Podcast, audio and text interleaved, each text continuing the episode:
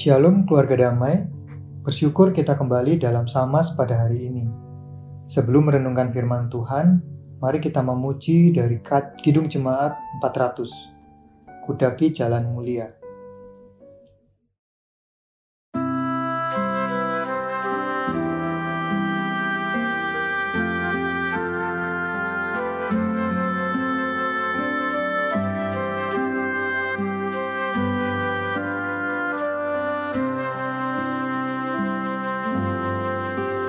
Kudaki jalan mulia Tetap doaku inilah Ke tempat tinggi dan teguh.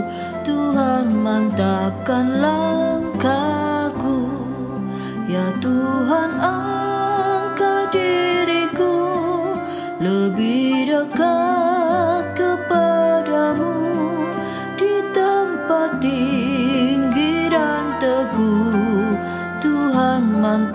mantapkan langkahku.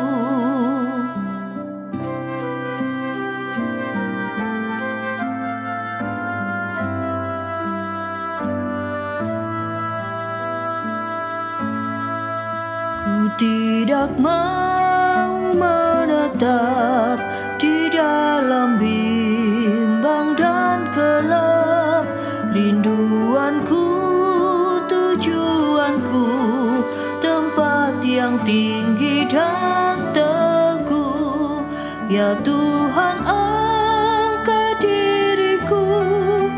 Lebih dekat kepadamu Di tempat tinggi teguh Tuhan mantapkan langkahku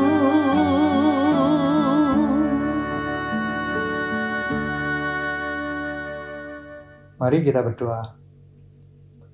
Tuhan Allah Bapa kami, terima kasih untuk kesempatan hari ini kami boleh kembali merenungkan firman-Mu. Buka hati dan pikiran kami untuk dapat memahami kehendak-Mu. Amin. Tema renungan pada hari ini adalah kebangkitan kita. Bacaan dari 1 Korintus 15 ayat 20 sampai 28.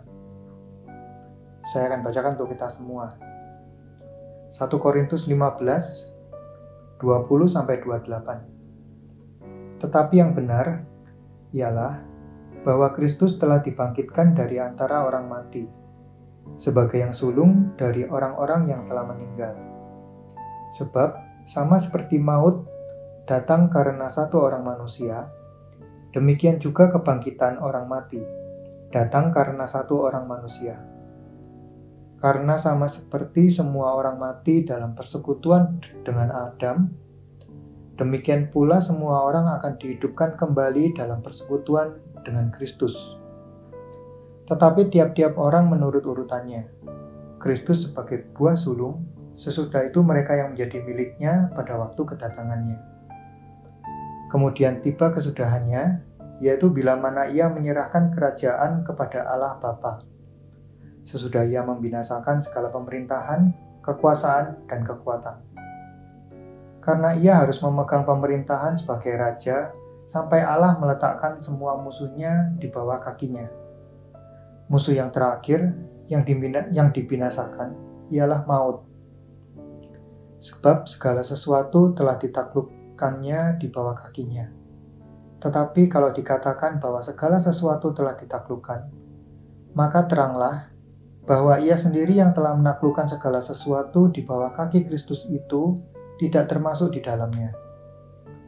Tetapi kalau segala sesuatu telah ditaklukkan di bawah Kristus, maka ia sendiri sebagai anak akan menaklukkan dirinya di bawah dia, yang telah menaklukkan segala sesuatu di bawahnya, supaya Allah menjadi semua di dalam semua. Demikian firman Tuhan. Keluarga damai, Kata sulung sering kali merujuk pada buah sulung dalam musim panen. Metafora ini cukup kaya makna. Buah sulung berarti tanda keberhasilan panen. Buah sulung akan diikuti oleh buah-buah yang lain. Buah sulung juga dimengerti secara ritual sebagai bagian panen yang dipersembahkan kepada Allah sebelum hasil-hasil selanjutnya dipergunakan untuk keperluan yang lain. Metafora buah sulung di ayat 20-23 memang tidak terfokus pada makna kronologis. Kristus bukan sekedar yang pertama, tetapi yang terutama. Kebangkitannya merupakan pokok bagi semua kebangkitan yang lain.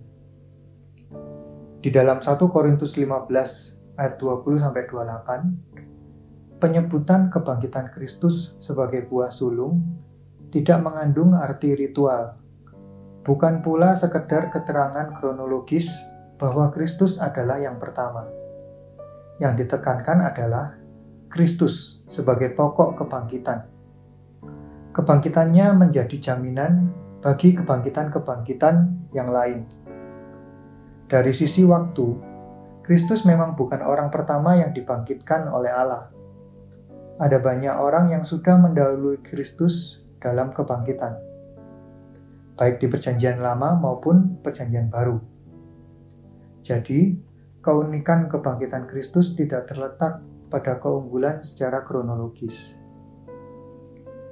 Paulus tidak mengatakan bahwa Kristus adalah yang sulung dari orang-orang yang dibangkitkan melainkan dari orang-orang yang telah meninggal.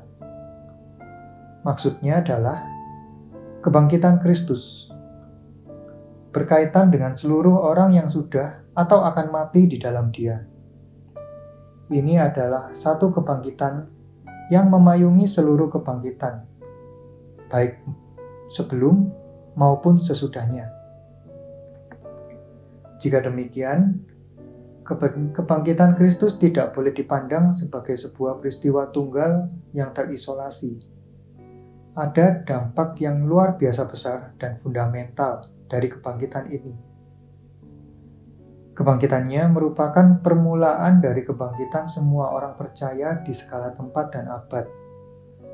Kebangkitan tersebut sekaligus menjadi permulaan dari pemulihan segala sesuatu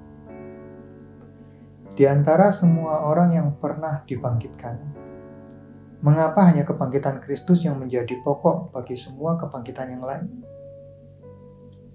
Jawabannya terdapat di bagian ini. Kata sambung karena. Di awal ayat 21 dan ayat 22 menyiratkan sebuah alasan bagi ayat 20. Kristus dikontraskan dengan Adam Keduanya bukan sekedar berdiri secara individual. Mereka adalah representasi dari suatu kelompok. Keduanya adalah kepala perjanjian yang berbeda. Sebagai kepala perjanjian yang lama, Adam telah gagal. Tatkala dia memakan buah pohon pengetahuan yang baik dan yang jahat, perbuatan itu tidak hanya membawa konsekuensi buruk bagi dirinya sendiri, melainkan seluruh keturunannya. Sejak saat itu, semua manusia tunduk kepada kematian. Satu orang menjalar ke semua orang. Kemudian Kristus di Perjanjian Baru telah berhasil menang atas maut melalui kebangkitannya. Kita manusia yang seharusnya mengalami kematian kekal akan dibangkitkan dan beroleh keselamatan yang kekal bersama Kristus. Sungguh bersyukur pada Tuhan karena kita dimenangkan dan diselamatkan dari kematian. Sudah seharusnya kita tidak lagi menjalani hidup yang sia-sia.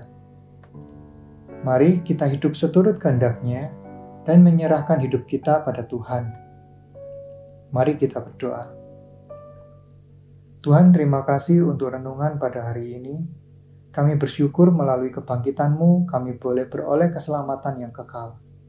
Kami mau Tuhan untuk memakai hidup ini hanya untuk kemuliaan-Mu. Amin.